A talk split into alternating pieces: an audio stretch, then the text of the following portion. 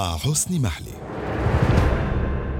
في الرابع عشر من آب أغسطس من كل عام يحيي أتباع وأنصار الرئيس أردوغان ذكرى ميلاد حزب العدالة والتنمية الحاكم الذي تم تأسيسه في هذا اليوم من عام 2001 في مدينة أفيون وسط الأناضول. ولم يبقى من أعضاء الهيئة التأسيسية وعددهم ستون إلى جانب أردوغان إلا القليل. بعد أن اختلفوا معه فاستبعدهم أو ابتعدوا هم عنه. وفي مقدمة هؤلاء الرئيس السابق عبد الله جول ونائب رئيس الوزراء ووزير المالية الأسبق عبد اللطيف شنار ورئيس البرلمان الأسبق بولانت أرنج ووزير الداخلية الأسبق إدريس شاهين ووزير الاقتصاد السابق علي بابجان مع الإشارة إلى أن رئيس الوزراء السابق أحمد داوودوغلو لم يكن من بين هؤلاء المؤسسين بل جاء به عبد الله جول من الجامعة وعينه مستشارا له للسياسة الخارجية عندما أصبح رئيسا للحكومة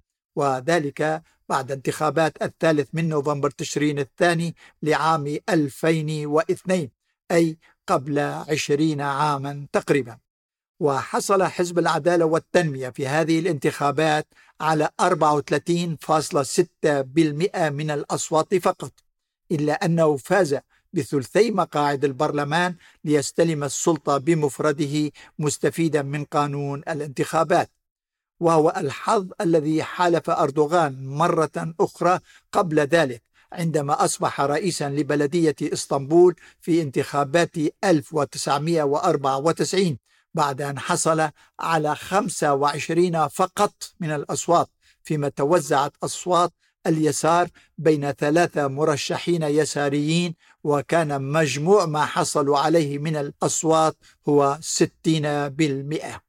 وحالف الحظ أردوغان مرة أخرى عندما اتفق مع زعيم حزب الشعب الجمهوري المعارض آنذاك دانيز بايكال الذي أيد حكومة العدالة والتنمية من أجل تغيير أحد مواد الدستور. والذي كان يمنع أردوغان من ممارسة العمل السياسي بسبب قرار سابق من المحكمة بسجنه ومنعه من حقوقه السياسية. وفي مارس 2003 تم انتخاب أردوغان عضوا في البرلمان وبعدها بأيام أصبح رئيسا للحكومة وبقي في هذا المنصب حتى آب أغسطس 2014 وذلك خلفا للرئيس عبد الله جول وهو الآن أي عبد الله جول في الخندق المعادي لأردوغان حاله حال المئات بل الآلاف من قيادات الصف الأول والثاني للحزب الذي لم يعد له تأثير أي للحزب تأثير مباشر بعد أن أصبح أردوغان الحاكم المطلق للبلاد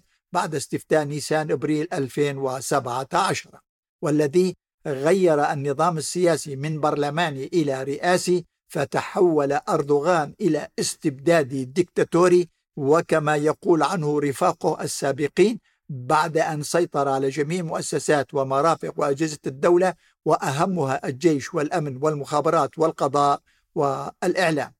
ودون أن يتذكر أحد أن العدالة والتنمية كان قد استلم السلطة بعد أن وعد الجماهير بالمزيد من الديمقراطية والحرية وحقوق الإنسان يضاف إليها العدالة والتنمية. والتي تحققت بشكل ناجح خلال السنوات العشرة الأولى من حكمه أي إلى ما قبل الربيع العربي الدموي. فبدأ أردوغان بالتراجع عن جميع مقولاته وشعاراته وبرامجه التي كسب من خلالها تأييد الشعب له في الانتخابات اللاحقة. ودون أن يخطر على بال أحد أن التنمية التي تحققت خلال السنوات العشرة الأولى كانت بفضل بيع جميع مؤسسات ومصانع وشركات القطاع العام بحوالي 80 مليار دولار وكذلك بتأييد العواصم الغربية لأردوغان وحزبه مما شجع الشركات الغربية للاستثمار بمئات المليارات من الدولارات في تركيا.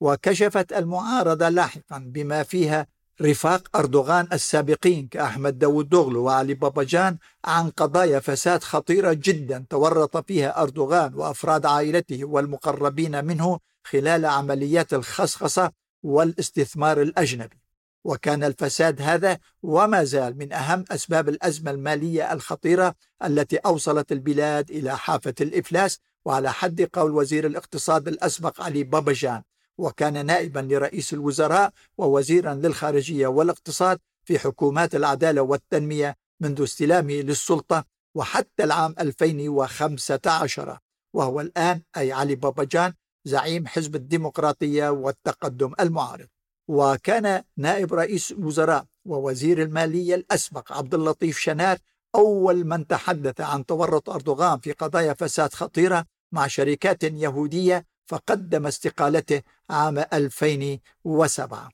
ودون أن يكون الاقتصاد والمال هو السبب الوحيد فيما آلت إليه الأوضاع في تركيا خاصة بعد محاولة الانقلاب الفاشلة التي وقعت في الخامس عشر من تموز يوليو لعام 2016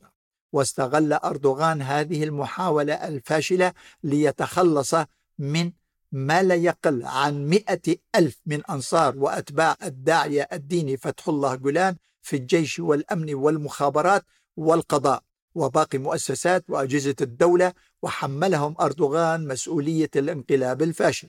وتقول المعارضة أن محاولة الانقلاب هذه كانت مسرحية ذكية من أردوغان الذي كان حليفا عقائديا للداعية جولان. واستفاد أردوغان من قوته بعد استلامه للسلطة نهاية 2002 ثم تخلص منه قبل أن يشكل خطرا عليه لأنه كان رجل دين وإمام سابق وتأثيره كبير في الأوساط الشعبية فيما أن أردوغان خريج ثانوية الإمام والخطابة وتقابلها في الدول العربية الثانوية الشرعية.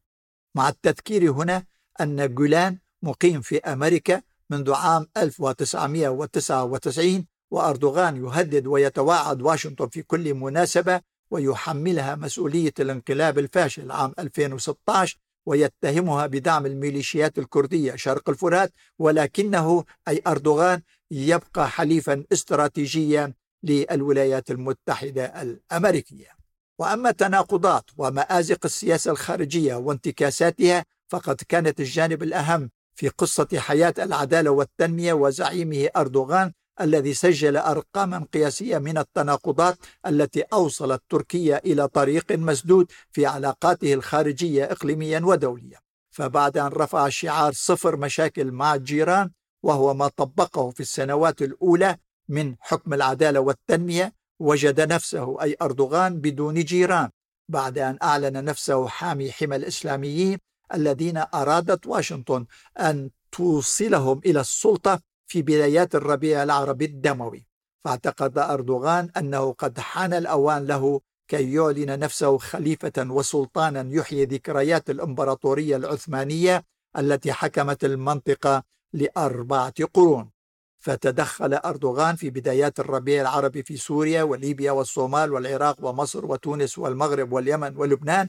ومناطق أخرى. وكل ذلك بالتنسيق والتعاون مع الإسلاميين بشتى تسمياتهم وانتماءاتهم وميولهم بين الاعتدال والتطرف الأشد كما هو الحال عليه الآن في إدلب حيث تسيطر النصرة أي هيئة تحرير الشام وهي الذراع السوري للقاعدة على المدينة.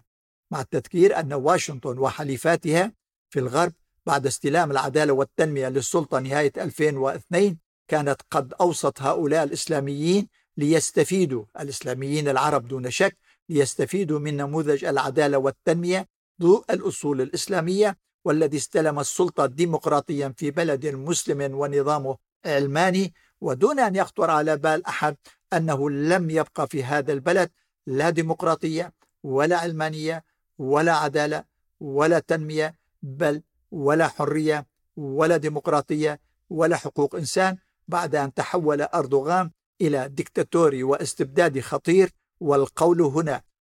ليس لرفاق أردوغان السابقين أو زعماء المعارضة بل حتى الرئيس الأمريكي بايدن الذي قال قبل ثلاث سنوات لقد حان الأوان للتخلص من الدكتاتور أردوغان بدعم المعارضة في الانتخابات القادمة ولكن دون أن يتخذ بايدن وعلى الأقل حتى الآن أي موقف إلى جانب المعارضة أو ضد أردوغان ولكل في الخارج حساباتهم الخاصة بتركيا وأردوغان أو بدونه